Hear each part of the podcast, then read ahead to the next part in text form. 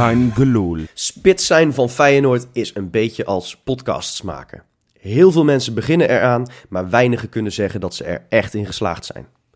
Er zijn dan ook genoeg gasten in alle soorten en maten die je gedetailleerd kunnen vertellen hoe ongelooflijk lastig het is om de waardering van het legioen te verdienen en vast te houden. In plaats van dat er altijd iemand heel hard begint te zuchten als je naam weer eens een keer valt in Rotterdam. Het gaat bijvoorbeeld nog vaak over Lucas Prato. De beer werd natuurlijk nooit wakker uit zijn winterslaap, maar de bijnaam voor deze pubquizvraag in wording was perfect. Breed en slobberig, een beetje log en een fronskop die je door de tv heen kon horen grommen. Onze huidige spits is uiterlijk zowat het tegenovergestelde van Prato. Maar een beer is Brian Linsen wel degelijk. Een wasbeertje wel te verstaan. Brian is een boefje, een smiegje, een stiekeme snoepert. Zo'n figuur dat er hartstikke knuffelbaar uitziet, maar net op het moment dat je er daardoor van uitgaat dat hij best wel ongevaarlijk is, zie je hem er snel met je boterham vandoor gaan. En je horloge. En zoals wasberen altijd gretig in hun handjes wrijven als het ze weer eens is gelukt, zo zal Brian dat elke avond voor hij gaat slapen ongetwijfeld ook doen. Want we genieten van hem, maar hij geniet nog veel meer van zichzelf. En dat is volkomen terecht. Want net toen we dachten dat hij misschien wel langzaam richting de achteruitgang ging, werd deze likkebaardende Limburger met zijn priemende pretoogje stiekem een van de belangrijkste Feyenoorders in dit team. De wasbeer wordt misschien niet met uitsterven bedreigd, maar één ding is zeker. Als Brian Linsen deze ongekende ontwikkeling doorzet, wordt onze glunderende geluiperd wel lid van een hele zeldzame diersoort. Dat is de aftrap van de gloedje nieuwe Kangeloel, die ik uiteraard niet in mijn eentje maak, want ik zit hier met Johan Hey. En met Sjoerd Hi. en ik ben Freek. Ja. Hey, Frikkie. Ja, Ja. ik eh, ben nog goed. een beetje aan het bijkomen van afgelopen weekend. Had niet zozeer met de wedstrijd te maken. Nee, ja, wij, wij, wij- we komen rechtstreeks uit Ardennen. We hebben het in de donderdag-podcast gezegd. Dat was ongeveer eh, nou, het laatste moment dat we elkaar eh, spraken. De dag daarna zijn we in de auto gestapt en eh, hier zitten we. Dus we hebben het genoegen gehad om met z'n allen, de hele podcastclub, ja, helaas Misha niet, want die, was op, of die moest werken, dat we die wedstrijd hebben kunnen kijken. Ja. Feyenoord-Cambuur in, in Leeuwarden. Een hele, ik vond het wel leuk, zo met z'n allen op die bank, van een hele grote Ja. bank. We zaten met z'n allen op die bank. Nou, uiteindelijk hebben we gelukkig genoeg kunnen juichen, want we hebben met 2-3 gewonnen. Ja, ik kan niet zeggen dat het kijken van de wedstrijd echt uiteindelijk het hoogtepunt was. Nee, nee. Nou, wat, wat vonden we van de wedstrijd? Want ik, ik zag ook wel, geme- ja, misschien dat wij ook in een bepaalde toestand die wedstrijd gekeken hebben. Ik heb de Nou, samenvatting. nee, nee, maar ik ik zat zag op, rustig aan een koffietje. Ja, oké. Oh, nou ja, ik, ik heb sowieso niet gedronken. Maar ik, zag heel veel mensen op Twitter echt heel negatief over deze Ja, wedstrijd. da- daar, Ja. daar ben ik het absoluut niet mee eens met die mensen. Kijk, laat, laten we wel wezen, wel wezen, het was een kutpot van abominabel niveau om naar te kijken. maar ik had van tevoren eigenlijk puntverlies al ingecalculeerd. Je speelt op kunstgras, uit in, in Leeuwarden. Cambuur is een beetje een angstgekener van ons. Eh, Na een na, na, uitwedst- ja. na een lastige, echt intensieve ja. Europese wedstrijd. Eh, er spelen hier en daar wat pijntjes, aantal spelers met een vormdip. En ik had eigenlijk wel gerekend op een hele, hele stroeve pot. Maar we trekken hem wel over de streep. Ja, en dat pot is het geworden. vind ik echt knap. Ja, dat, dat is het ook. Maar het is, het is wel echt inderdaad een hele stroeve pot geworden. Terwijl dat voor mijn gevoel niet nodig was. Ook als je kijkt naar de kansen die er lagen, vooral in de, in de omschakeling.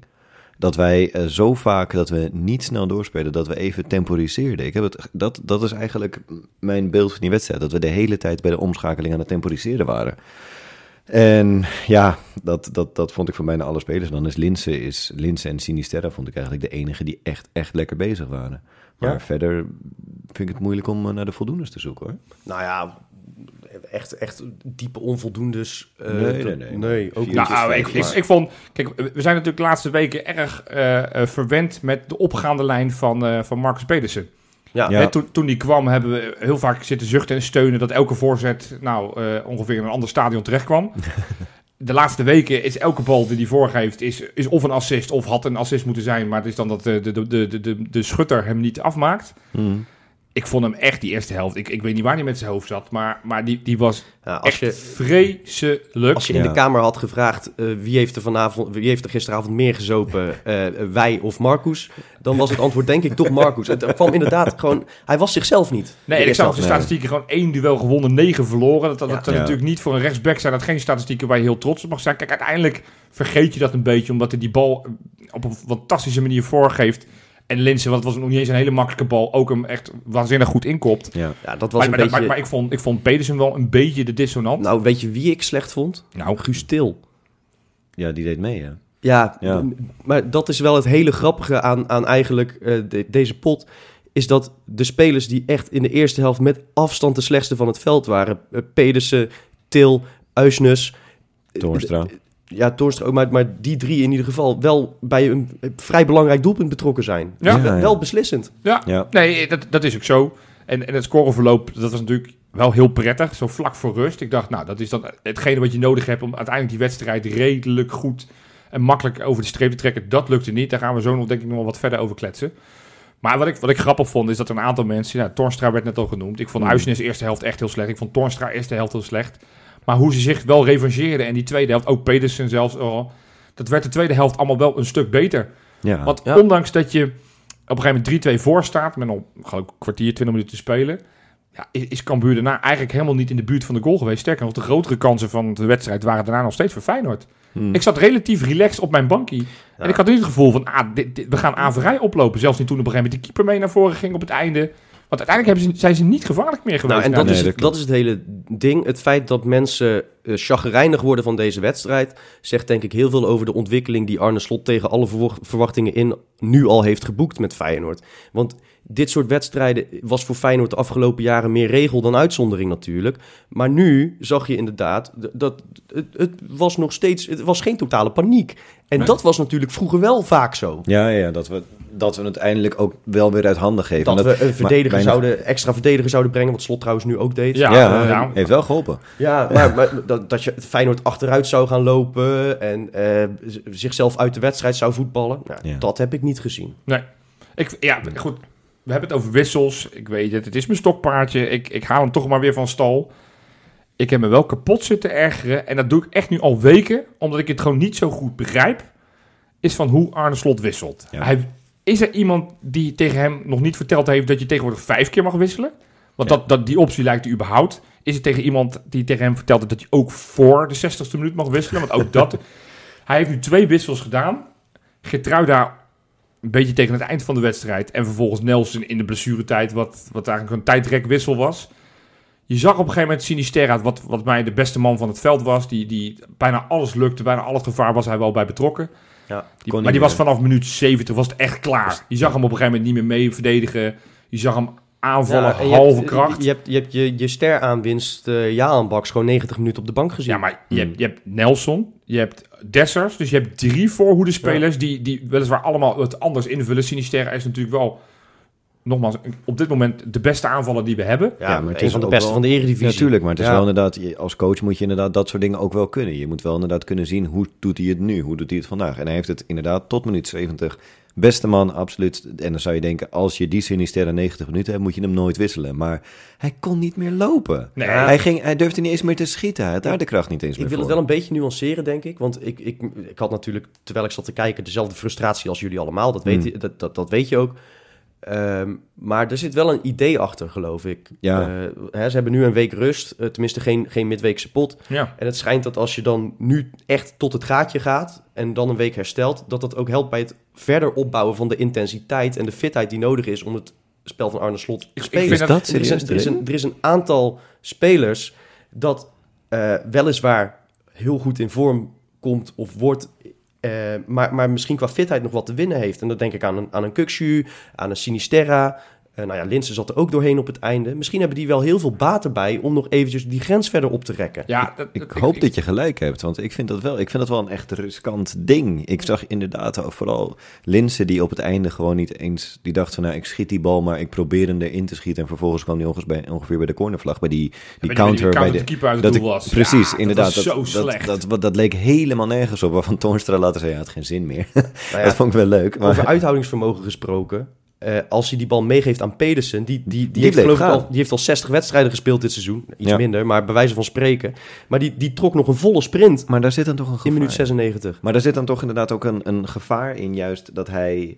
ehm, eh, dat ook Pedersen, die gaat op, op een keer, op een bepaald moment aan zijn tax komen. En hij is inderdaad de enige waarvan we niet kunnen zeggen dat zijn eh, dat hij de belasting niet aan kan, zeg Nee, maar. Dus, maar je dus- wilt de rest op dat niveau krijgen. Ja, nee, precies. Maar ik, dan zou je ik, toch ik denken... heb er niet inhoudelijk genoeg verstand van om het precies Nee, aan je uit te precies, leggen. maar precies, ik ja. Ik vind het rete dit... interessant klinken. Ja. en, Ja. En, en, en, ik vind het, als dit zo is, want ik weet niet of dit bevestigd is... of dat dit een soort van aanname is die je misschien door gewoon wat over na te denken... dat het hem zo is. Maar ik, ik vind het wel... ehm, je wil ook wel winnend coachen. En, en, Ja. en dat mis ik nu wel al een paar weken. Want je hebt een dubbel, pro- dubbel programma. Het is hartstikke zwaar voor die spelers. Je merkte gewoon die kans van Linsen. Hmm. Ja, die als, moeten als, wel in. als dat Ja. minuut 70 is, is het een goal. Ben ik van overtuigd. Ja. Dan, Nu- dan nu heeft merk hij ook de gewoon dat tegenwoordigheid van geest om hem mee te geven. Nu hoor. merk je gewoon dat hij Ja. op zijn tenen loopt en denkt... Ja, ik, ik, ik, ik schiet hem maar dan kijk ik wel wat... Het, en dat had je op een gegeven moment. Sinister had twee schotkansen. Ja, die, Eh, eh, op een gegeven moment ook... Dat was ook een beetje... Dus geloof ik 70 minuten of zo. Die een bal die hem gewoon in de keepers handen schiet... Terwijl hij gewoon vrij kon inschieten. Het was allemaal... Ja, je merkte gewoon dat het beste van af was. En het is heel goed uitlegbaar. Omdat we al 400 wedstrijden hebben gespeeld... Terwijl we pas in, eh, in, in oktober zitten. Ja, en de manier waarop vooral. Ook Ja. dat. Ja. Dus, en, en, en dan speel je uit op het kunstgras, wat natuurlijk niet de favoriete ondergrond is van heel veel voetballers. Maar ik denk, ja, weet je, ook, eh, want dat vind ik nog een, een andere kant van het verhaal, wat we ook wel eens vergeten. Het is misschien niet het belangrijkste, maar ik vind dat echt wel ook eh, onderschat in de voetbalwereld. Je hebt een selectie van 2, 3, 24 man. Hmm. Je hebt nu vijf wisselmomenten. Nou zeg ik niet dat je elke week vijf spelers moet wisselen. Maar je wil meer dan, in dit geval 13 spelers, het gevoel geven van dat ze deze overwinning hebben behaald. En ik denk dat het ook al is het 10 minuten, dat je 10 minuten Nelson mee laat doen. Dat hij met een iets tevredener gevoel eh, eh, de bus weer ter- terug instapt naar, naar Leeuwarden. Ik weet niet... Die denkt de volgende keer, ja weet je, deze wedstrijd... Ik denk dat Tessas gedacht, nou ik had het wel twee kunnen maken. Ja, ja, goed, dat had hij tegen dan RKC kunnen doen. moeten Nee, doen. ja, nee, Zeiden zij in koor. nee, nee, eens. Maar, maar weet je, Jaan Baks, idem.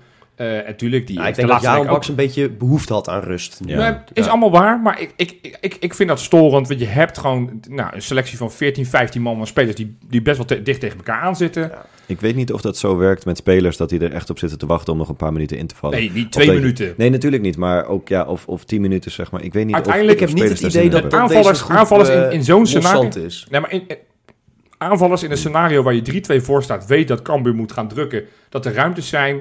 Je ziet gewoon op een gegeven moment inderdaad Lindsay, je ziet maar je- tactisch, Sinister. ta- ta- tactisch ben ik het ook met je eens. Ja, ja. Maar ik, ik, er, er zit ongetwijfeld een idee achter. Dat, dat, dat, die overtuiging heb ik intussen. Bij Ja. Dick Advocaat wist je eigenlijk bijna zeker dat er geen idee achter zat. Nee. Maar eh, deze man werkt heel nauw samen met zijn, met zijn inspanningsfysioloog. En, en heeft een heel concreet idee van, van hoe een groep over een heel seizoen moet presteren en, en bij elkaar moet blijven. Dus ja, er zal vast een gedachte achter zitten. Maar Ja. toch blijft het gevoel bij ons toch blijft bestaan dat met een paar andere wissels had Arne de wedstrijd in het slot kunnen gooien. Zeker. Nee, het, het, het- ik, zou, want ik heb ook op zitten zoeken van was er een reden waarom hij niet gewisseld heeft. Dat heb ik dus nergens kunnen vinden. Terwijl ik denk, dat zijn wel interessante en relevante vragen die misschien de, de verslaggevers, journalisten mogen stellen na zo'n wedstrijd. Want Dat is elke. Feyenoord supporter, als je dit, nou Ja. als Twitter niet dat dat per se altijd een goed, eh, goed referentiekader is, maar iedereen verbaast zich over het feit dat er gewoon niet of, of heel laat werd gewisseld. Hmm. Dus ik heb me daar wel aan gestoord. Hey, een andere naam die, die zowel positief als negatief uit te leggen was voor deze wedstrijd, of misschien de laatste paar weken al, Malasia. Eerste goal dit seizoen van een verdediger überhaupt. Ja. Wat vonden we ervan? Nou, van die goal was, die was beeldschoon. Die zat er goed in. Volgens mij kon de keeper hem wel houden, maar dat, Ja, dat, nee, dat- la- dat jij, is jij, niet- je- Nee, ja. ga- leer nou eens gewoon genieten, man. Dit Het was een heerlijke goal. Alleen toen ik dus de herhalingen zag, dacht ik, nou, die keeper... Ja, we hebben het in was- de donderdag podcast over gehad dat die keeper, eh, nou, dat, dat, die, dat, dat het niet de beste keeper was. En dat, dat werd wel een beetje bewezen. Dus, eh, maar hij schoot hem goed in. Ik Laten we wel wezen. Dit was een heerlijk. Het was, het was Gio Hij- hij 2010, kreeg, wel de light versie. Ja, Maar, nou ja, maar heerlijk. De light zo, light. Zo, zo was hij er echt nog niet. er nou eens van genieten, Sjoerd? Hey. Ik genoot ervan. Ik, dat was toch heerlijk om, om dat weer te zien. Maar ja, verder was het... eh, ja, ik weet niet, ook bij hem vond ik de tweede helft vond ik dan wel weer aardig. Maar ja, ik, ik, eh, die, die goal maakt inderdaad voor mij heel veel goed. Dat is wel natuurlijk inderdaad een valkuil die eh, ik en veel andere supporters hebben... dat wij verdedigers beoordelen op hun doelpunten... en aanvallers op hun balverlies. En het moet precies andersom zijn. Ja, ja. nou ja, Ja. dus dan wil ik hem ook wel... Ik vond Malasia eigenlijk best oké spelen. Zeker ten opzichte van de laatste weken. Hm. Maar het ging bij die, bij die, bij die tweede tegengoal... gaat het heel erg over dat knullige Trauner-Senesi-momenten... dat Mm. ze tegen elkaar aanlopen. En eh, nou ja, in ons groepje was met name Senesi de schuldige. Ja, Bij ons Ja. op de bank. maar ja, Daar is ook, ook, eh, dat, dat is ook wel de context van dat het het zoveelste momentje is Ja. dit seizoen van hem. Ja. hij, hij is gewoon, ik, ik weet niet, dat, dat wordt dan de discussie, is hij nu zichzelf of is hij zichzelf niet? Ehm, maar hij zit in ieder geval eh, niet in zijn beste fase, zullen Nee, we maar zeggen. Nee. Maar, want dat was het eigenlijk punt wat ik wilde maken. Malasia. Het was zijn man. En als je ziet, hij, hij sprint gewoon niet mee. Hij waggelt er een beetje achteraan. Hij ziet pas op het laatste moment van... Oh shit, misschien was het wel handig om met die Simbissa, Sambissa, weet ik hoe die heet, Ja, mee te sprinten. ja. dat- Die was al gewaarschuwd, want daarvoor had hij natuurlijk al een weergaloze goal gemaakt. waar ook, Waar- waar die- waar waar- ook waar- Senesi er niet goed uitziet trouwens. Nee. Nee, Die nee. had ze, had, steek je voet uit. Steek alsjeblieft je voet uit, Senesi. Op hij het zet moment dat hij geen druk op de bal. Hij deed Ja. gewoon helemaal niks daarbij. En inderdaad, maar dat, dat vind ik vervelend inderdaad. En dat, dat, die, dat een momentje eh, dat hij inderdaad tegen Truinen opschiet, dat is vervelend. Maar het is inderdaad wat jij zegt. Het is veel kwalijker dat Malasia niet met zijn man meeloopt. Want Ja. dat is niet iets wat op toeval gebaseerd is. Kijk, een fout kun je maken. Dat is, dat is inherent aan het voetballen.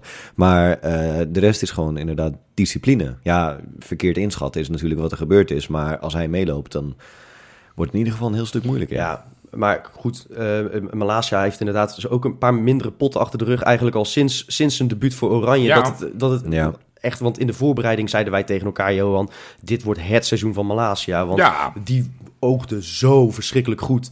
En eigenlijk Hmm. is het nu al een, een, een tijdje wat minder. En ik hoop dat, dat hij nu weer de opwaartse lijn eh Is misschien heeft goed, bij, gevonden. bij, bij de voorselectie van Oranje zit nu Wijndal voor het eerst bij, eh, Ja. bij Van Gaal erbij. Misschien dat dat hem even, ja, ik weet niet hoe dat in de hoofd van die gasten maar ja, op scherp goed, zit. Want, mag het hopen. want de laatste Ja. weken is hij gewoon niet goed. Dit vond ik Nee. een van zijn betere potten van de laatste fase. Ja, Eh, Hmm. Maar ja, die, nogmaals, ik vond bij die tweede tegengoal vond ik echt dat hij eh, echt heel Nee, maar zo- slecht staat te verdedigen. maar zo, En dat- zo hebben we er meer die een beetje worstelen met hun vorm. En, en ondanks dat leiden we vrij weinig puntverlies. Ja. Eh, want, want ook Bijlo, kun je, je- ja, hij maakt geen fouten. Maar dat zijn wel ballen die hij normaal gesproken... Een Bijlo in vorm heeft minimaal één van die twee doelpunten. Nou, die eerste Ja. echt niet hoor. Die, die- ik, ik zag ook wat discussie over dat die eerste hout bij Mario Been hoorde ik dat zeggen. Perfect in het hoekje zit hij. Nee, maar wat- die wat was- moest- die wat was- moest hij doen dan? nee, Moest hij 20 die- ik- centimeter ik zeg, groeien? Ik zeg, hij maakt geen fouten. En die bal was, die eerste zeker, die was echt, echt heel goed ingeschoten. Ja. Maar ik bedoel gewoon te zeggen, een, een, een Bijlo die op de toppen van zijn kunnen is, pakt onmogelijke ballen. In het begin van het seizoen, op het moment dat een speler één op één ging, zoals nu bij die eh, eh, 2-2 gebeurde, dat, daar dacht je eerst van, nou ja, hij komt tegenover Bijlo, dus dit wordt geen goal. En nu gebeurde dat wel. En ik was daar toch eventjes, ik, ik knipperde daar wel een beetje met mijn ogen van, inderdaad. En je ziet ook... Terwijl hij wel de wedstrijd heel goed begon. Hè? Ja, eerst, ja, eerst, zeker. eerst in een Oh, minuut had hij al drie van die Geweldig. reddingen op, op een meter. Dat die, die speler een paar keer op hem inschoot. En dat hij elke keer heel katachtig Ja, pakte. nee, maar het- daarom, ik, ook voor Bijlo geldt, hij speelde niet per se slecht. Maar je weet dat, dat hij beter kan. Dat Ja. geldt voor Senesi ook. Want we rekenen nu heel erg af op die twee momentjes. Ik weet niet of hij nou per se heel goed was tegen Cambuur. Denk het eigenlijk niet. Hmm. Eh, en Malasia die een beetje eh, ups en downs heeft. Eh nou ja, Pedersen die er nou voor het eerst weer een keertje een beetje doorheen zakte. Til die een beetje moeizaam speelde. Ondanks dat win je echt een lastige wedstrijd. Ja. Eh, en er is er eentje die totaal niet met zijn vorm worstelt. Ik noemde hem al in mijn aftrap. Maar wat is Brian Linsen een geweldig belangrijke Oh, speler aan het ja. worden. Ja. Heerlijk, ja. Onze badmeester, wat doet hij het goed? Ik, eh, nou ja, we hoeven niet elke week, elke keer te zeggen over hoe slecht we hem in het begin vonden. En hoe goed hij Nee, zich ja, maar ik, ik, ben, ik ben hem wel gewoon eh, een verontschuldiging eh, eh, verschuldigd. Ja, Eh, nou, ja, het- nou ja, gewoon mea maxima culpa. Ik heb dat totaal verkeerd ingeschat. In deze rol is het gewoon echt een prima spits voor Feyenoord. ja, met die goal. Sterker Ja, nog, Hij maakt, hij maakt, het begon met, hij maakt doelpunten, maar nu maakt hij ook niet alleen mooie, maar ook hele belangrijke goals. Op Hmm. belangrijke Ja, momenten. precies. en hij is ook nog belangrijk bij die eh, 2-2 van Feyenoord. Of eh, ingooi? tw- 2-1 bedoel ik. Ja. Ja. Ja. En eh, hij, Wat- hij wordt langzaam een beetje een van de leidende figuren. Weet je, Ja. eh, daarom vind ik, ik vind het ook een leuk ventje. Het is ook wel leuk als je ziet Ja. die interactie met hem, met Theo en met Toornstra. Die, die driehoek vindt elkaar sowieso wel makkelijk. Maar wat hij ook in de, in de krant zei, eh, ik las het maandag in, de, in het AD, van dat hij zei van ja, weet je, bij, eh, bij Vitesse deed ik dat ook altijd dat snelle ingooien met mijn tas. Ja. En hij zegt, dat roep ik al weken tegen die Til, maar nu pas begrijpt Ja, ja. hij het. En dan denk ik van ja, weet je, je- je- als je kwaad wil, kun je het heel le- slecht uitleggen, maar je, je, Nee. je hoort Nee, hem maar gewoon zeggen met een hele grote loopt, hij loopt en- ook Jens continu te jennen. ja, precies. Ja, Dus precies, ik, nee, ik, ik vind dat echt heel tof. Dus ik, eh, ik ben blij met Linse als spits. En ja, die, die, die heeft gewoon... Het is nu ook, hij, is, gelijk. hij is ook absoluut geen linksbuiten Nee. de roep om is de nu roep om een spits. nieuwe spits is ook gewoon weg. En dat is echt maar zijn 100%, verdiensten. Ja. 100% zijn eigen verdienste. Ja, Ja. dus Ja. Heel knap, heel knap. hey, zal ik wat bakers erin pompen? Goed. Is goed. Bakens in de vette. Ja, jongens. eh, Ja, wel een, ja, een pover weekje. Nee, Ja. dit voelt goed. Zit ik weer een keer in een maandagpodcast. Ja, Pover, het- het is- pover ik, weekje. ik kan er niks anders van thuiskomen, joh. Ja, nee, maar goed. Ik, eh, ik begin... eh, ik, ik ga jullie wel met iets moois eh, brengen. Want ik weet dat het op vele verzoek is het... eh, als ik één speler noem, dan roep ik automatisch ook de club. En daar worden heel, heel Nederland wordt daar heel blij Yes. van. Oh, daar komt hij. We gaan op ja, nummer ja, drie hebben we zetten ons schrap. Mitchell tevreden. Waar speelt hij dan? Die maakte afgelopen zomer de transfer van Al-Fateh naar ABBA. Abba, Abba, ja, die ja, zijn dit- weer helemaal oh. terug Ja, natuurlijk. nee, Ja. ah, ja. precies. Mhm. Maar dit is de, dit is de, de Saoedische ABBA met een H ertussen. Oké, Dus, dus, eh, oh. die dus, zingen eh, niet over Waterloo, maar over... Ja, over Mekka. Ik weet het niet. Ja, Ja. ik weet niet waar ze over zingen. Maar eh, goed, dit weekend moesten ze tegen elkaar spelen. Extra leuk. Nou, en tevreden, die stelde niet teleur. Die maakte de openingsgoal zoals we van hem kennen. Een bal van links voorgespeeld. Hij met zijn hoofd in de verre hoek kopt hij hem raak. Uiteindelijk wonnen ze 3-1 en dat was niet geheel onbelangrijk, want ze stonden onderin. Oh. Er staat nu één puntje boven de streep te En, lezen. en, en zoals ze bij Abba zeggen, the winner takes it all. Precies. nou, hey, en als we dan toch over de winner takes it all, nummertje 2. Nou, De man is los. Vorige week zijn debuut in de bakens. Maar nu, daar is hij weer, daar is hij weer. Liam Kelly. Meen je niet? Ja, Ja, ja. hij heeft vorige week had natuurlijk zijn eerste goal Bij de gemaakt. De eetjes. competitie vermaakt. Ja, precies. Zo klein is hij wel.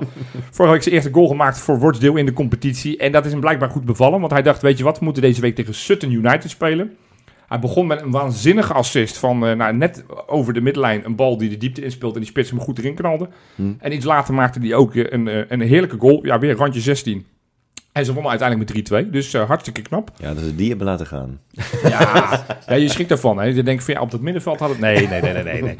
Weet je, een speler die, die we er wel goed bij zouden kunnen hebben. eh, ondanks dat zijn eh, nou, vervanger inmiddels eh, tien jaar later het uitstekend doet. eh Gernot Trauner. Stefan de Vrij moest, moest dit midweek spelen tegen Sheriff Tiraspol. Dat, ja, dat is die ploeg uit de Transnistrië. Voor de Champions League inderdaad. En ze, ja, ze moesten wel een heel goed resultaat boeken. Want ze waren nog niet zo heel begonnen. Ze hadden twee wedstrijden gespeeld in de Champions League. Eén pover puntje. Dat Over. sheriff, dat stond eerste, toch? De Sheriff had de eerste Die twee hebben wedstrijden alle twee gewonnen ook, hadden de eerste Ja, twee. Dus ja. die, eh, maar goed, in ieder geval, het, eh, nou, uiteindelijk wonnen ze met 3-1. Door een, eh, de laatste goal van de, van de wedstrijd was van Stefan de Vrij. Teruggekopt van, door, eh, door Dumfries. En eh, de Vrij die ramde hem met zijn rechterbeen eh, in de touwen. Eh, dus dat is belangrijk. Nu hebben ze vier puntjes. Eh, Real Madrid en Sheriff Tiraspol hebben alle twee zes punten. Dus het is spannend in die pool. En eh, ja, ook in het weekend moesten ze nog een topper spelen tegen Juventus. Werd helaas 1-1 omdat Dumfries een onnodige penalty veroorzaakte. Ja. Dus daar blijven ze wel derde in de competitie achter ja, het ongenaakbare Milan en, Napoli. Maar in ieder geval de eerste goal in de Champions League van Stefan de Vrij dit seizoen eh, mocht Lekker. er zijn. Mooi.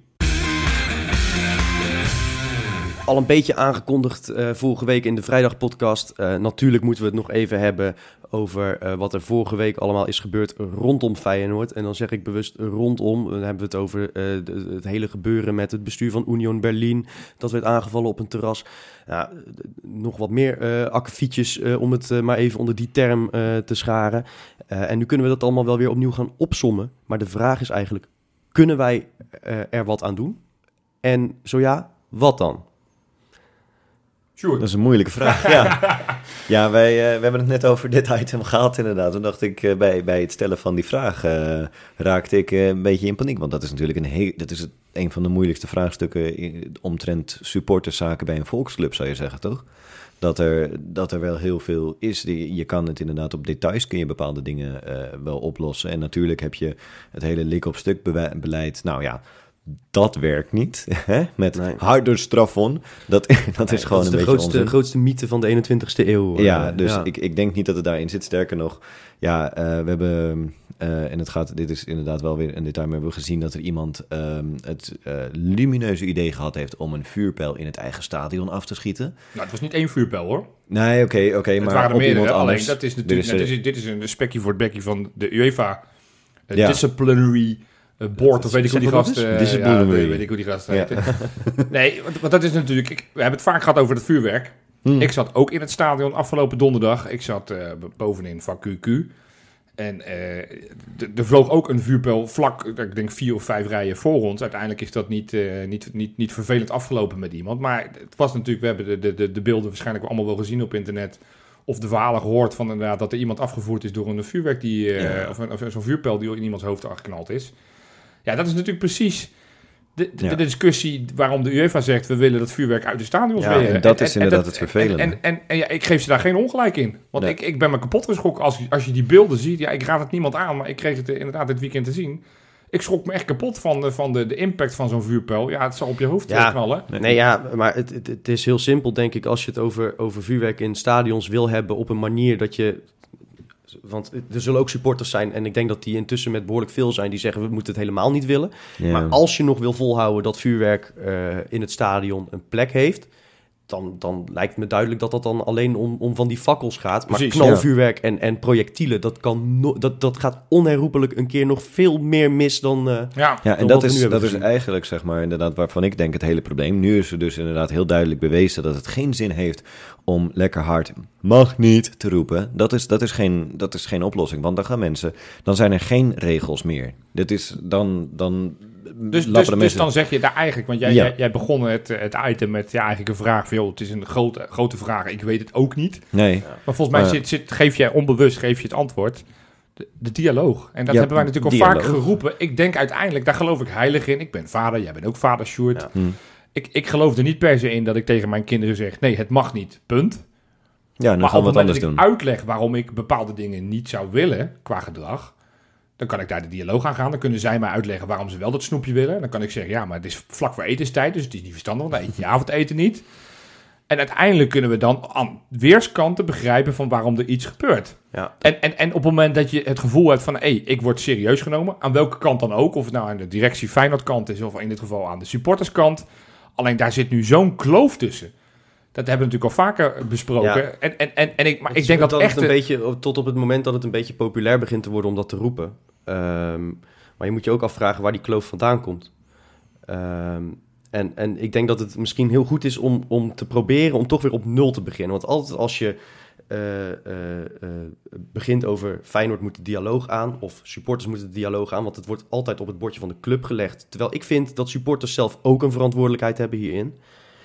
Ehm, dan wordt er altijd, ja, maar 15 jaar geleden hebben we dat ook al eens geprobeerd en toen is er niks mee gebeurd. Ja, dat zal wel, maar we hebben nu iets op te lossen. Dus laat dat achterwege. En net zoals dat jullie vorige week heel mooi hebben gesproken over de voetbalvisie, die wordt uitgestippeld nu, zou er een supportersvisie moeten komen bij Feyenoord. Ja, Wie moet Waar- dat regelen? waarover, waar, waarbij je niet eh Koen Stam of een supporters equivalent van Koen Stam moet aanstellen om dat te gaan maken. Maar je moet dat samen met supporters eh, opstellen. En dan kun je onderhandelen over, oké, als we iets met vuurwerk doen, op welke manier kan dat en op welke manier kan dat absoluut niet. Eh, En met al dat soort eh, vinkjes kun je langsgaan. En het zal uiteindelijk iets op grote lijnen worden. En dan ga je alsnog incidenten houden. Ja. Dat hoort erbij. Ja, nou, helaas. Tuurlijk, het is, het is En, leven, en, en, is dan, voetbal. en dan geloof ik ook, eh, als je dan toch soort van daar op die... Want ik vind het echt waanzinnig goed. Wat je, ik, ik had er niet zo over nagedacht, maar een supportersvisie Weet is Ja. denk ik gewoon ja, misschien minstens zo belangrijk voor de club als een technische Dat is je hele Zeker bestaansrecht. Ja, dus, Ja. dus, dus ik, ik, ik, geloof daar, ik geloof daar heel erg in. Maar dan zeg ik wel van op het moment dat er dan excessen zijn, op het moment dat er dingen zijn die niet. Dan staat in dat document in ieder geval wat de gevolgen zijn. En precies, en, en daar moeten we is. ook. Want, da- want daar heb ik me over verbaasd. Over als je dan toch weer over dat vuurwerk in dat stadion hebt. Er is niet eens gefouilleerd. Je wist Ja. gewoon doordat. ja, maar dat heeft dat- te maken ook met dat personeelstekort. ja, Ja. Ja, maar, maar Nee, goed. het is zo. Dat is dus inderdaad dan wel, ja, daar Ja. weer op te herleiden inderdaad. Maar Ja. dan gaan we het inderdaad weer wel bij de, bij de club neerleggen natuurlijk. Maar ja, uiteindelijk zijn dat de, zouden dat de meest professionele moeten zijn die het inderdaad ook op kunnen Maar het, het begint ook dat club, de club, want dat is lekker makkelijk, want het is inderdaad, we moeten geen, gewoon geen zwarte piet spelletje spelen van wie waar is de schuldige. Nee. Ja. Maar ik vind het echt, daar heb ik me zo vaak over verbaasd en ik heb nog steeds geen duidelijke uitleg. En dus ik snap ook nog steeds niet waarom dat zo is. Dat er geen enkele eh, directielid of, of, of commissarislid de portefeuille supporterszaken heeft. Dat dat. Ja. Dat, dat, heeft Joris van Dijk. Oh. sinds wanneer is dat? Dat, dat, dat, dat zit tot nu toe nog steeds bij Van Merwijk. Ja, maar dat is toch een beetje gaan schuiven. Nou, ik, Misschien niet officieel. Ja, maar, maar het, het feit, we zeggen net hoe belangrijk dat is. Dus Ja. of het nou officieel... Het, het kan toch niet zo zijn dat, dat er geen officiële eh, verantwoordelijke voor is binnen die directie Nee, voor precies. de supporters. En, Nou ja, en, en dan, dan kom je weer in in een hele grote discussie over dat het überhaupt belachelijk is dat stadion en Stico en weet ik het allemaal. Oh ja, ja, dat ja, leuk. laten we daar even van wegblijven. Maar ik, ik denk dat ehm, bijna iedereen die verliefd is op Feyenoord... houdt ook van, het, van, dat, van dat intimiderende karakter van de club. Van het, van het eh, het, het, het ruwe, het brutale, het, het, het volkse ook. Ehm, maar ik denk dat het wel eens tijd wordt voor een echt goed, eh, open, inhoudelijk eh, gesprek over wat een volksclub anno 2021 nou eigenlijk is. Want dat is een hele andere situatie dan 30, 40 Ik jaar denk geleden. dat een onderdeel van een volksclub is dat zelfs iedereen in dat volk, dat alle supporters daar ook een ander beeld van hebben. Dus ook Ja. dat is echt een Nee, heel dat- dat- dat moeilijke is vraag zo. om te stellen. Dat, dat, dat is zo. Ja. Maar, en je gaat, je gaat hier ook niet alle neuzen dezelfde kant op krijgen. Nee. Dat kan ook niet. Ehm, maar het- wordt wel tijd om er in ieder geval eens over na te denken. Hardop, op een Ja. serieuze manier. Maar goed, inderdaad, kijk, als er inderdaad toch iemand met een eh, portefeuille supporterszaken is, dan is het merkwaardig dat uiteindelijk toch eh, alleen de algemeen directeur met een, ja, in de media erover komt. Want je zou denken, als er iemand verantwoordelijk is over de, voor die supporters, dan moet die daar ook inderdaad iets Ja, over zeggen. ik Dat denk dat, dit, dat, dat dit naar buiten toe zo groot was dat het eh, vanzelf eh, bij de eindverantwoordelijke terecht kwam, eh, zeg maar. Ja, ja, Ja. goed. Ik bedoel, Ook kun- eh, we hebben het nu over de, de, de statement van... eh, het statement van, ja, van, van van Koevermans. Koevermans. Ik denk dat het ook een stukje damage control is. Want op het moment Ja, je dat je daar zeggen. niks doet, Nee, hij dan moet krijg er je wel wat zeggen. even nog eens Ja, dubbel over ja, maar soort van, wat, wat er moet wel iemand wat zeggen, maar het feit dat er, daar zou dus inderdaad een verantwoordelijke voor moeten zijn. En het feit, dat het zeg, ik vind het heel veel zeggen dat het de algemeen directeur is, dat het dus als een algemeen ding wordt Nou gezien. ja, maar dit, dit was ook wel dusdanig groot dat er een statement van de Ja. directeur moest komen, denk ik. Ja. klopt. En, maar het, het daarmee vind ik wel, eh, want ik kan eh, hè, nu wel weer een hoop op het bordje van de club leggen eh, of bij de supporters. Maar dat wat daar gebeurd is met, met dat bestuur van Union Berlin, dat is echt een hele lastige. Hm. Want de vraag is in hoeverre, ja, hoe moet ik dat nou zeggen? De, de, er is een groep mensen in dit land die, en, en niet alleen in dit land, maar in heel veel andere landen ook, die op ellende kikt. Ja, Die graag gaat rellen en daarvoor een aanleiding zoekt. ja. En of die aanleiding nou Feyenoord is, of het invoeren van een avondklok, of En volgens mij een versterkt nu sinds corona. Want dat is natuurlijk ook, dat zie je Mm. steeds meer in de Ja, stadions met al het bier zit- gooien en daar zit, gekkigheid. een, daar zit een, een, een hele serieuze kern achter en die zoeken gewoon een aanleidingje. Ja, Ja. Eh, en de vraag is of je daar als club iets tegen kunt beginnen. Dat is iets maatschappelijks. Eh, je, ziet het, je ziet het ook bij, bij andere clubs. En ik wil daarmee niks goed praten van wat er is gebeurd. Maar dan kan je nog eh, zoveel documenten opstellen en, en met statements komen. Maar ja, de vraag is of die mensen überhaupt ooit in de Kuip zijn geweest. ja, maar denk jij dat er, dat er dan iets is wat Feyenoord of, weet ik veel, de supportersvereniging of eh, wij of eh, de hele gemeenschap eh, zou kunnen doen om te zorgen dat in ieder geval deze mensen die dit gedaan hebben niet meer met Feyenoord geassocieerd worden?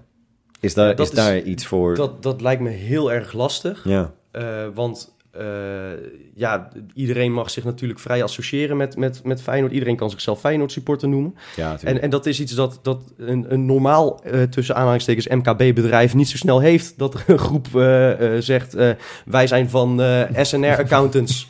en wij komen jou eens even helemaal de tering Ja, inslaan. we staan hier de naam ja. van eh, Snackbar Jopie. eh, ja, ja. Ja, Goeie snackbar overigens. Ja, goeie snackbar. de frikandel aan. is erg goed. Heb Ja, precies. Ja. Ja. Nee, ja, ik, ik, ik vind hem verdomd lastig. Ik, ik Mm. luister aandachtig naar jullie, jullie die gesprekken, maar ik, ik vind hem wel verdomd lastig. Ja. Want ehm, het, het is wel waar wat je zegt. Van je moet niet de illusie hebben, wat voor beleid je ook maakt, er zullen altijd mensen eh, eh, handelen. eh, een soort van, en die kikken op, op, op de sensatie, op, op, op, de, op de gekkigheid. Ja. En, en, Mm. en ja, dat, dat, daar kom je, als club kom je daar slecht mee in het Maar nieuws. ik- wat, ik denk, wat ik denk dat je daar tegen zou kunnen doen, of tenminste niet tegen. eh, je- ik denk dat je als club weinig kunt doen eh, om te voorkomen dat zulk soort incidenten gebeurt. Maar ik denk dat je als club en supporters wel de verantwoordelijkheid hebt om ervoor te zorgen dat de, de Nederlander, de publieke opinie, eh, heel goed beseft dat dat niet met jou als club geassocieerd moet worden. ja. Ehm, hè, als jij als, als club en als supporters samen eh, een, een, een duidelijk beeld schept van wie je bent en waar je voor staat. En ik denk dat daarom altijd belangrijk is om dit soort dingen hard te veroordelen. eh, dan. Maar moet iedereen dat doen? Moet, ik bedoel, dat, even ja, open hoor. Maar, maar nee, niet iedereen natuurlijk. Nee. Ik, het is niet... eh, eh, maar ja, nou ja, er zijn mensen die naar ons luisteren. Ja. Tenminste, dat, dat neem ik aan, hè? Ja, toch? Ja. Nou, Duizenden. Ja, precies. Er zijn mensen die naar ons luisteren, ja. maar die, ehm, eh, moeten, moeten wij daar dan een, een Ik bedoel, ik, ik zelf zit daar totaal niet op te wachten. Maar zou Nee, maar denk kijk, je dat we je dat wil, iets je wil niet, wat ze je wil zouden moeten want, doen? want op het moment dat je bij, bij elk akkefietje eh, met een, met een statement naar buiten komt, als zijnde Kangeloel, ja, je, je gaat ook jezelf dan op een gegeven moment met die, je wekt de indruk dat je er iets mee te maken hebt, zeg maar. Ja, Eh, onbewust hoor. Dat, dat, dat snap ik, dat gevoel. Maar ik heb wel zoiets van, wij, wij staan het hardst te schreeuwen als het fantastisch gaat met de club. Dan zijn we trotse Feyenoorders. En ik vind, ik heb dat wel eens eerder gezegd geloof ik, je moet ook ambassadeur van de club zijn eh, op momenten dat het, dat, dat het even echt, echt misgaat. ja. En dan heb je wel, denk ik, ook. En, en nee, niet iedere supporter hoeft van alles en nog wat te vinden. Maar ik denk dat het wel tijd is dat de redelijke meerderheid een beetje wat meer van zich laat horen. Dan Hmm. heeft de club ook een alternatief om aan tafel te gaan. Ja, ik, Ja. Ik, ik ben zoekende en ik, stel een vraag en ik weet ook niet per se wat ik er zelf van vind. Want ik, ik, ik, ik hang een beetje in het midden van, ja, moet je er nou ook een keer wat van vinden? Of nou, wij het nou als podcast zijn, maar dus ook wat Feyenoord als club. Maar ik, ik, ik, ik zag daar iets van op, de, op, op Twitter en ik dacht, ja, ik ga hem toch ook bij jullie neerleggen om te kijken hoe jullie daar, wat jullie daarvan vinden.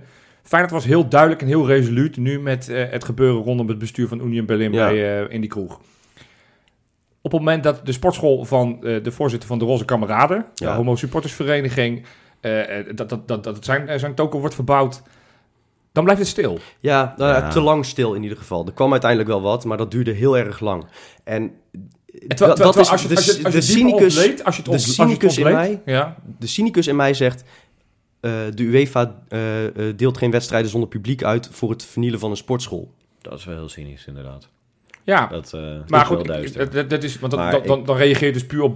Dat is, dat is echt een, cynische control. speculatie. Ja, ja. Ehm, maar ik denk dat, dat, dat er een statement kwam zo snel en zo hard. Het was een goed statement, echt waar, van Koevermans. ja. Eh, dat is vooruitgang, maar het zou inderdaad wel constanter mogen, denk ik. ja, maar dan ben je dus... Ja, En dan kom je dus op het vlak wel dat je dus alles wat er dus... Ja, in, de naam wel- van Feyenoord tussen aanhalingstekens... Nou ja, nee, je moet er wel, je moet, niet, je moet niet elke kras op een auto of graffiti op een viaduct. Nee, maar di- dit zijn wel verschillende incidenten waar, waarbij de, de gepleegde feiten zo, zo hevig zijn dat er.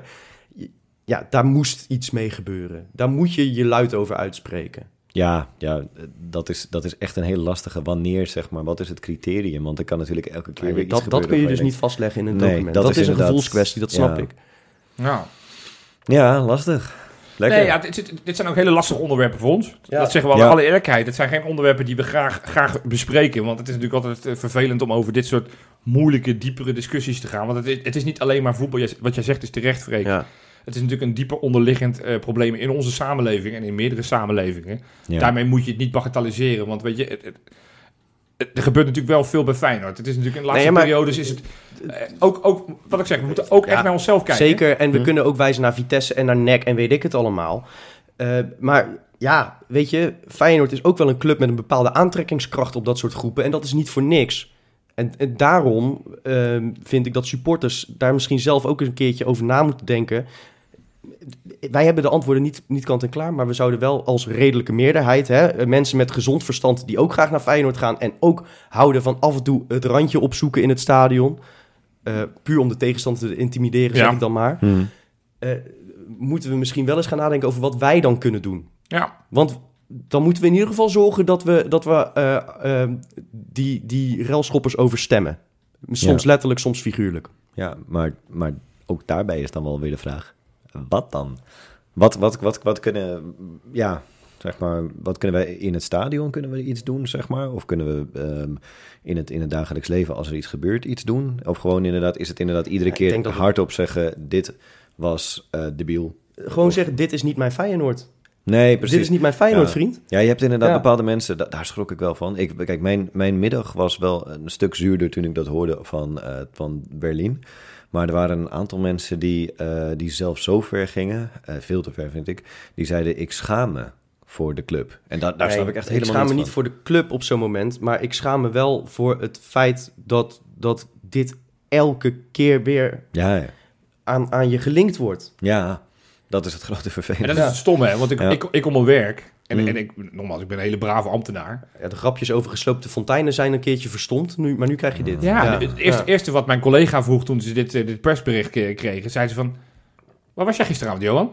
Ik zei, joh, Serieus? Ja, het was, het was- met een hele grote knipoog. Maar, toen dacht ik, maar dat is wel wat er gebeurt voor mensen die niet per se heel dicht op het voetbal zitten. Die weten van het is een klein clubje die, de, hè, die het voor de rest verpest. Ja. Maar, maar, maar het is wel het beeld van wat, Ja, wat in het ieder geval in de beetje- media wat naar buiten wordt gebracht. Dus ook daar het is toch een ook- beetje, als je zegt van ik ben seizoenkaarthouder van Feyenoord, dan kun je ook zeggen van ik ben lid van Satudara.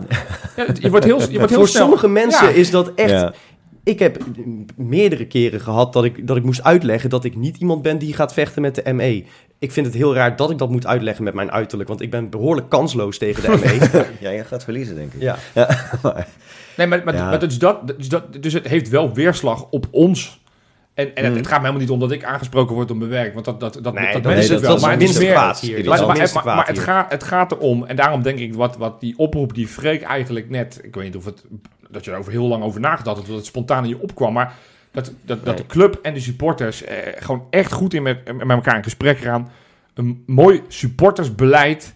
Ja. Goed aangeven, dit is wat we willen, dit is waar wij als Ja. club voor staan, dit is wat je bij ons mag verwachten. En ik zou Mm. vanuit de supporters zou ik meerdere geledingen uitnodigen. Ik zou en de Roze Kameraden en de Feyenoorder Ja. en eh, al die andere eh, eh, eh, subdivisies misschien een, een, een afvaardiging sturen. Maar in ieder geval mensen die voor reden vatbaar zijn. Ja. Want we weten Ja. allemaal dat er ook een hoop tussen zitten eh, die je niet aan tafel hoeft te zetten. Hè? Ja. Ehm, nou ja, ik heb daar wel over nagedacht ja, de afgelopen dagen. Omdat de discussie eh, ook weer, als je het dan hebt over je wordt ermee geassocieerd, werd toch weer getrokken op. Vonden jullie niet dat het ruwe randje behouden moest blijven? Wat vinden jullie hier dan van? Van het aanvallen Ja, van het ja, bestuur? ja, ja. Oh, En dat is ik wil best nog een keer uitleggen wat ik daar ooit over heb gezegd. Namelijk, het ruwe randje, een, een ruw randje voor mij, dat is wat ik eerder opzomde. Eh, dat, dat is dat brutale karakter, het intimideren van de tegenstander, die, die, die kolkende kuip. Hm. Dat is, dat, is dat, dat rauwe aan Feyenoord dat we allemaal fantastisch vinden. En dat is het waard om voor te vechten. Figuurlijk voor te vechten. Ja. Ja. En dat wordt enorm besmet doordat dat steeds op één hoop wordt gegooid met absurde excessen. Ja. En, en dat, ja, Zoals kijk, het hele voetbal. het is één communicatiefout geweest eh, van Koevermans om, het, om ooit eh, eh, het slopen van stadions en, en het bedreigen van mensen onder een eufemisme als ruw randje te scharen. Daar wil ik hem niet op blijven aanvallen. Hij heeft het uiteindelijk meerdere keren uitgelegd. Maar wat je ziet is wat er gebeurt als je zoiets niet duidelijk definieert, is dat alles ruw randje gaat heten. En dan is dus of iedereen fout of helemaal niemand. Dat, dat, dat op het moment dat er wordt ingebroken in het stadion, dat sommigen zeggen, ah joh, dat is gaaf, dat is dat ruwe randje. En dat als er nu mensen eh, van, de, van de tegenstander, eh, het bestuur van de tegenstander wordt aangevallen op het terras, dat er andere mensen zeggen, ja, maar jullie zijn voor dat ruwe randje, dus jullie zijn mede verantwoordelijk. Dat slaat nergens op. En daarom moeten we eens een keertje met z'n allen, met de club, met denk ik ook wat, wat externe professionals eh, van bijvoorbeeld eh, politie, van, eh, een psycholoog misschien, een socioloog, weet ik het. Mm. Of de presentator van Kijkeloe. Ja. Ik wil, er, ik wil Oh, best gespreksleider zijn. Ik bied me aan bij deze. Ehm, moeten we echt even samen gaan definiëren. Wat is Feyenoord anno 2021? Wat is dat ruwe dat we willen hebben? En wat is dat gezwel dat we zo snel mogelijk mogen wegsnijden uit onze club? Borussia Dortmund, Feyenoord, Real Madrid, Liverpool, Werder Bremen, Antalya Spoor, 52 caps voor Turkije en er is nu een einde aangekomen. Hoewel ja, Antalya Spoor niet helemaal natuurlijk, want ik heb het over eh, Nouri Sahin.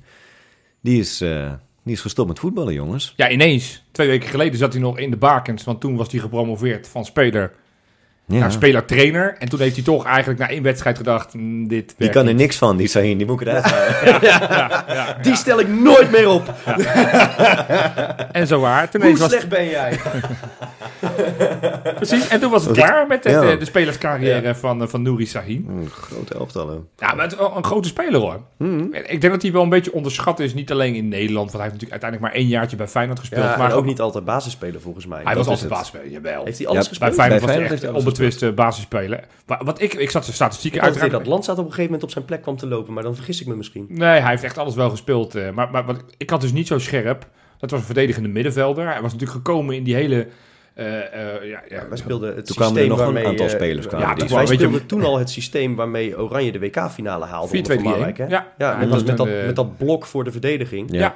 Waar Ah, hij dus ik- deel van uitmaakte. Wat, wat, wat ik, want toen kwam hij, kwam in diezelfde trits als, als Makai, als De Cler, als Hofland, nou, noem het allemaal maar op. hij was misschien wel de minst aansprekende naam. Ja. Ja, ja we dachten een huurling van Dortmund. Ja, nou ja, hm, leuk. Ja, ja, maar Hij kwam op voorspraak natuurlijk van Bert van Marwijk, Ja. die hem had laten debuteren in de Bundesliga. Nog altijd. Hij was tot vorig jaar was hij de jongste debutant ooit eh, in Hmm. Duitsland. Hij is inmiddels uit door die Mokoku, Mok- Mokoku van Ja, eh, Dortmund. Die Is was die uit in 15 de, zo, toch? ja, die was net 16. Die is hij Oh, ja. in de, uit de geschiedenis. Maar inderdaad, ja, je noemde die clubs.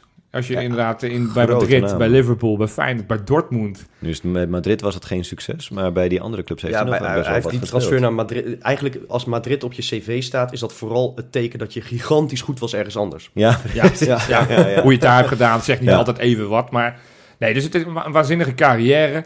En ja, dat is nu, nu ten einde. Dus ja, Ja. eh, Ja, en dan, maar hij was natuurlijk inderdaad een, eh, een huurling bij ons. Ja. En wel eentje waarvan we toch wel heel snel wisten, die gaat, eh, gaat ook weer weg. Maar ja, toen zaten we te denken van huurlingen. We hebben wel een paar hele, hele goede gehad, zoals eh Cuco Martina hebben we gehad. en, ja, we kunnen ook Nee. een, een heel mooi rijtje Ja. met, met minder Maar geslaagde. Vooral in het seizoen 2010-2011. eh, daar zitten er wel een paar hele fijne bij ook. Ehm, dat, eh Søren Larsen. Michael? Loemp, Oh, Christian man. Simon. Wie biedt Oh. er meer? Ja, nee, dat is... Ja. eh, hadden we een zomer later hadden we het beter begrepen. Zullen we, zullen we, zullen we dat zeggen? Ja, ja, Ja. ja.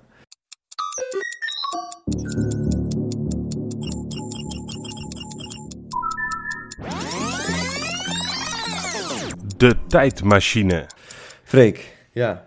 wie is jouw favoriete huurling?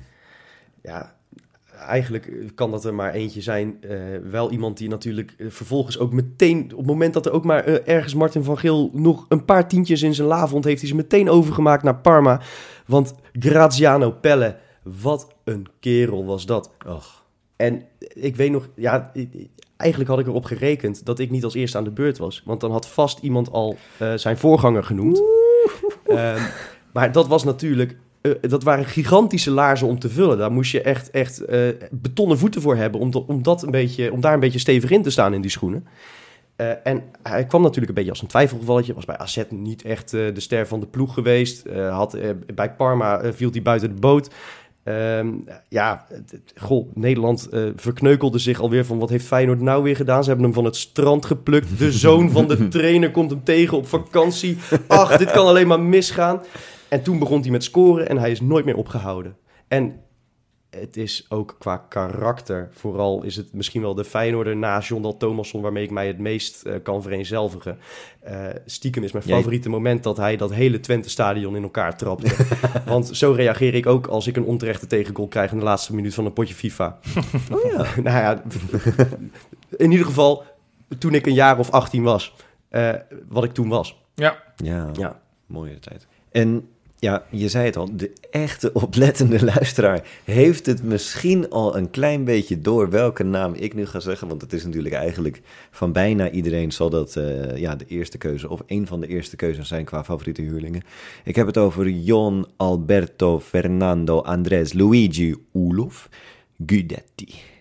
Och. zijn dat al zijn namen? Ja man, En vet eh, als je dat, is dat een acrostigon of zo? Dat als je dat onder elkaar zet, dat er een woord staat in het Zweeds? Of Ik eh, was je kwijt bij acrostigracht. eh, dat is dat zeg maar de eerste letters van, van eh, een zin onder elkaar steeds een, een woord vormen. Oh, dan wordt het eh Javalog. Javalog. Javalog. Nou, nou Nee, dat- Javalog dus. Die Eerst, heeft- het eerste sociale medium van, eh, van Zweden, toch? Ja, precies, dat moet het zijn. Ehm, die heeft eh, 23 potjes bij ons gespeeld, maar... En ja, Dat is bizar. Ook als je het hebt over de, de, de, eh, de impact die hij in die slechts 23 potjes heeft gehad. niet normaal. Hè, als je bijvoorbeeld Wesley, ik weet dat Wesley, als je hem vraagt wie zijn het favoriete Feyenoorder alle tijden is, misschien is het inmiddels ietsjes anders, maar eh, dan, dan zal Guidetti in ieder geval in zijn top 3 staan. Ja, Terwijl je, wat ik zeg, van als je maar 20, nou 23 potjes hebt gespeeld, zou je eigenlijk van elk lijstje eh, eraf gehaald moeten worden, want dan is je impact te klein geweest in dat ene seizoen. ja, en dat is Ja. natuurlijk niet het geval, want wij waren natuurlijk op sterven na dood. Ja, En hij heeft echt dat, dat jaar, dat, dat Phoenix-jaar van Feyenoord, dat we van plek 10 naar plek 2 gingen, dat, daar heeft hij zoveel aan bijgedragen. Ik vind nog steeds zijn allerbelangrijkste daad, zijn niet die hat Zijn allerbelangrijkste daad vind ik zelf nog steeds dat we bij RKC uit achter stonden. Hij maakte de gelijkmaker en hij zweepte iedereen op. Dat, dat, daar kan ik nog steeds zo van genieten hoe hij tekeer ging en hoe we uiteindelijk die overwinning binnensleepten. Ja, Wesley is altijd boos op mij omdat ik dan de kanttekening maak dat, dat dat ik hem nooit die rode kaart eh, tegen RKC thuis zal Mm. vergeven. Ja, nee, dat, ja, ja, dat, dat, doet was, dat was super onhandig. Hij was Maar- natuurlijk ook een hele jonge spits die een beetje eh, te dicht bij de zon is gaan vliegen op, Ja, op een gegeven Hij moment. was een beetje gepassioneerd, hè? Ja. Dat is, dat, zijn Zou je kunnen zeggen dat hij enig temperament had? nou, nou, nou, van die 15 namen die ik net opnoemde, zaten er een aantal Italiaanse tussen. ja, precies. Nee, maar het was, het was wel, en eh, je, je noemde net be- terecht, van het was natuurlijk de, de, de, herrijzing van Feyenoord. Het was natuurlijk, we kwamen uit een diep dal. Hmm. In die zomer natuurlijk de halve selectie leeggeplukt. Eh, alles wat, wat, wat talentvol was, dat is eh, naar Twente of PSV gegaan. Dus, dus de verwachtingen waren all-time laag. Op het laatste moment is hij niet naar Twente gegaan, want die waren ook nog in de race Die, om zouden te gaan. hem, die wilden hem kopen en Ja, uiteindelijk... Ja, eh, uiteindelijk, Heerlijk. uiteindelijk hebben we toch op volgens mij een van de laatste dagen van de eh, transfer deadline hebben we hem. eh, Volgens mij de laatste. De ja, dat zou best kunnen. Dat was de dag dat Leroy Fair naar, naar Twente verkaste. Ja. En daarvoor haalde Martin van Geel twee huurlingen terug. En die hadden allebei een vrij grote Nou ja, impact. dat Want is- ik denk dat we straks bij de eervolle vermeldingen nog wel een plekje hebben voor Nou, Bakal. Ik denk het niet, want ik, als ik dan mijn naam mag noemen.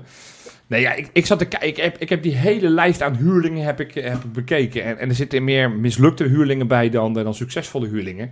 Er zijn er wel een paar waarvan ik dacht, ja, die zou ik ook kunnen noemen. Laten we beginnen met onze huidige Guus Til. Ja. Dat, die, die- maar ja, die zit nog midden in het seizoen, dus dat vond ik te snel Ja. en, te, en, en te pril. Want Ja. ik vind, Stel je kan het dat nog straks... verkloten, eh, ja. ja, nou ja, dat, dat. En ook, je weet niet wat er hierna met hem gaat gebeuren. Want een andere kanshebber was geweest. Een voormalig rechtsbuiten die in het kampioensjaar gehuurd was van Maar- Watford. Toen... Toen was zijn rol nog niet zo bepalend als de jaren daarna. Maar ja, toen dacht ik, die, dat krijg ik niet uit mijn strot om die nu te gaan noemen als het Nee. gaat om de meest Ik denk impactvolle... dat hij ook niet Is meer je favoriete is. Nee, nee, nee, dat is echt klaar over en uit. Ja.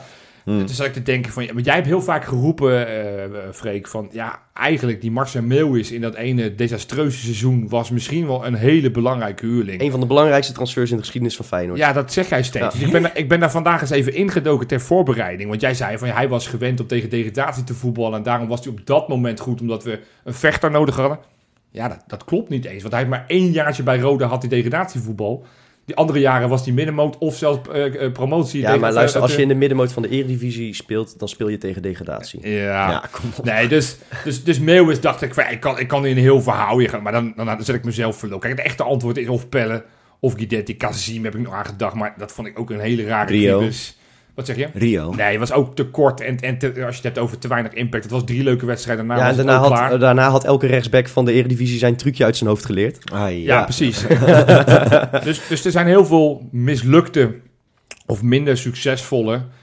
Ik zal zelfs nog te denken aan Usercup, wat een sensatie leek gaan worden. Maar ja, toen en corona en blessures, want die heeft maar vier potjes voor Feyenoord 1 gespeeld. Het Dus zijn ja, wel, wel een hoop culthuurlingen als je het zo opzomt. Ja, ja. ja, we kunnen Edgar IE. Edgar IE. eh, wat dacht je van eh, zijn opvolger dat jaar daarna, Spajic? Ja, dat is om Ja, jouw cult te Nee, ja, maar IE over... Het, het is een, ja, we zitten niet meer in de baken. Het staat gewoon eerste met Trabzonspor als onbetwiste basisspeler hè, in Turkije. Nou is Turkije niet Nou. meer het Turkije van de Turkije van tien jaar geleden. Maar ik vind het best wel knap dat hij gewoon daar Ja. eh, wel basisspeler is en het gewoon hartstikke goed doet. Ja, maar ik ben Dus- toch wel blij met Trauner. Is Trabzon Ik, eh, voor een volleybalclub? Ja, hebben ze ook waarschijnlijk. Nee, dus, dus ja, ik dacht uiteindelijk kom ik dan als jullie de twee echte oplossingen en de echte antwoorden hebben gevonden. En, en Sahir hadden we natuurlijk in de, in, de, in de intro hadden we al een beetje van dit item. Ja. Wilde ik toch wel een lans breken voor Otman Bakal en dan in de eerste periode. Want hij is natuurlijk Ja, twee keer bij ons geweest. De toen is tweede keer hij was hij niet, geen eh, huurling, was, ja. hij, was hij gewoon gecontacteerd. Hmm. Hij kwam toen inderdaad in de slipstream van, van Guidetti. Van PSV gehuurd. Eigenlijk was dat de grootste transfer natuurlijk van, van die inkomend van die dag. Ja. Exact. Bakal was wel al een bewezen eredivisie speler. eh, was al international geweest, Hmm. had voor Oranje gespeeld. Feitelijk hebben ze, hè, natuurlijk klopt het niet eh, financieel, maar hadden ze Bakal in en, eh en, en Wijnaldum uit, hè, met, met, met de clubs geweld. Ja. dat heeft niet heel slecht uitgepakt. Dat was echt een waanzinnige eh, prestatie. Ik denk dat het zijn beste seizoen ooit in zijn carrière was. Zeker. En het was helemaal geen spectaculaire voetballer, maar hij deed zo vaak heel subtiel het goede met een overstapje of Hele mooie een techniek. loopactie. Of, Ja, mooie voetballer. En 9 goals, 7 assists. Nou, dat zijn echt wel hele aardige statistieken. Toen was de hoop dat hij, nou, want hij had een aflopend contract bij PSV, dat we hem toch eh, langer zouden binden. Maar hij koos voor het avontuur in Rusland. Ja. Wervelend succes. Toen, Ja. toen haalden we een andere huurling op die plek. Help me even. Lex Immers. Ja, want die, die, die- ook, die, ook daar, want want die was, eh, dat, dat vergeten mensen. Want die was volgens mij één of twee seizoenen was die gehuurd. Dat was een hele schimmige constructie, want we hadden geen echt in kas. Ja. Maar die, eh, die, die had ook nog gekund. Maar gewoon Bakal dus in die je eerste... zou eigenlijk zeggen, we moeten toch nog een spits huren. Want Guidetti Bakal werkte vrij aardig. Ja. Immers Pelle werkte vrij aardig. Nou, je hebt net Til zeg maar en... 17 Dessers lansen gebroken voor Linsen. Dus Ja. Maar ik denk niet dat die, dat die Lins uit de basis gaat spelen. nee. Nee, vooralsnog is dat Blijft, een... eh, blijft wel mooi dat jij vooral inderdaad dat jij nu een extra spits wil terwijl je in je aftrap is het, eh, is het 3,5 nee, minuut gegaan nee, over hoe goed Linsen je- is. Je moet kijken naar de geschiedenis. Het is, het is altijd in koppeltjes. Ja, Ja. Ja, ja, ja. Ja. Ja, dus nee, ik, ik, eh, ik heb genoten van Bakal. Wat ik zeg, zijn tweede periode bij Feyenoord was natuurlijk echt absurd. Want toen, toen was hij geen schim meer van de Bakal in de eerste peri- periode. Nee. Och, Dus dat jaartje Rusland heeft hem geen goed gedaan. En die is gewoon gestopt op zijn 29ste. Hè? Ja, Ja, ook heel vroeg. Gewoon echt ja super maar, jong. Ja. ja. maar eh, hij, hij leek eh, 92 dat laatste seizoen. Ja, nee, eens. En het, eh, en, nou ja, echt zonde, want ik ben benieuwd hoe het was geweest als hij nog wat langer bij Feyenoord was geweest. Maar goed, is niet zo gelopen, maar ik wilde hem toch, ja, het is een eervolle, eervolle vermelding, maar misschien iets meer dan dat. Want zoveel succesvolle huurperiodes hebben we niet gehad. Guus Til timmert aardig aan de weg. Ja. Laten we hopen dat die andere twee, Nelson en, eh en Dessers, ook op een lijstje komen van succesvolle huurlingen in de plaats van flopjes. Want daar Nou, kunnen in we ook ieder een geval, in ieder geval zijn ze al succesvoller dan Søren Larsen. Oh, zeker, die zeker, was goed, hè? Zeker, zeker. hey jongens, we gaan richting de afronding. Eh, eh, voordat we overgaan naar de patronen, dacht ik, ja, we hebben de Kangapool is weer gewoon volle hevigheid uitgebarsten. We hebben natuurlijk weer twee wedstrijden gespeeld. Te beginnen eerst tegen Slavia Praag. Eh, dacht je Union Berlin? Dat bedoel ik. Ik heb Ja. het gewoon verkeerd op mijn lijstje gezet. Ja, nee, eh, dat is toch eh naweeën van een heel druk Ja, weekend. wij, wij, wij zijn zo in de wolken van het feit dat we bovenaan staan in die pool... dat, je- dat, dat Je het jou al helemaal niet andere meer namen interesseert ook. wie die andere ploegen ook alweer waren. Ja. Precies. Nee, het is inderdaad natuurlijk Union Berlin. De winnaar van die wedstrijd in de Kangapool was Donny M. 30 punten. Had alle vragen goed, behalve de Zo. bonusvraag. Nee, dus dat is, shit. en die was ook heel moeilijk, want dat ging over wie het meest succesvolle pasingspercentage had. Zo. Als Geertruida, wat, wat natuurlijk een verrassing in de basis was. Ja. En die had 98% pasingspercentage. Dus die had niemand goed. Maar 30 punten, hartstikke knap. Dan de wedstrijd tegen Cambuur werd iets minder goed gescoord. Maar nog steeds ook aardig gescoord. Mart en Daan Schot hadden alle twee 24 punten. Dus die zijn daarmee de wedstrijdwinnaar. En dan hebben we ja, nu na drie wedstrijden gespeeld in de nieuwe tussenperiode. En daar staat Menno Hagendoorn en Lien samen op de eerste plek. Nou, Ja, gefeliciteerd. goed. En El Goed gedaan, uiteraard hoor. staat nog in het algemeen klassement. Van Tuurlijk. alles bij elkaar staat hij nog op één. Dus eh, ja, Ja. Dat, dat was eh, de, de tussenstand. En die is gewoon aanstaande zaterdag sta, komt hij weer online Ja. voor de wedstrijd Ik- tegen Sparta. En wil je dan weer kans maken op vijf bonuspunten in je pool? Dan moet je patron worden.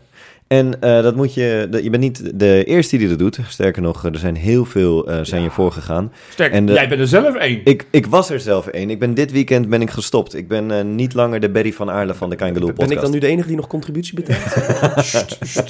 Nee, wij doen het allemaal, Frank. Wij doen het allemaal. Ja, ja, tuurlijk, tuurlijk. Eh, maar eh, we hebben één nieuwe patron. En het is me er eentje. Het is Veron Schram. Welkom. Welkom bij de club. Welkom bij de club. Ja, en dan zijn we redelijk door. We hebben, dat is, het voelt voor mij, volgens mij hebben we dit nog nooit gehad, dat we geen midweekse wedstrijd hebben dit seizoen. Het is elke week dat we wel op donderdag of woensdag wat hadden. Maar ja, maar, Ja. nou ja, maar wij hebben wel een midweekse wedstrijd natuurlijk, want je hoort ons gewoon donderdag weer. Hatsa. tot donderdag.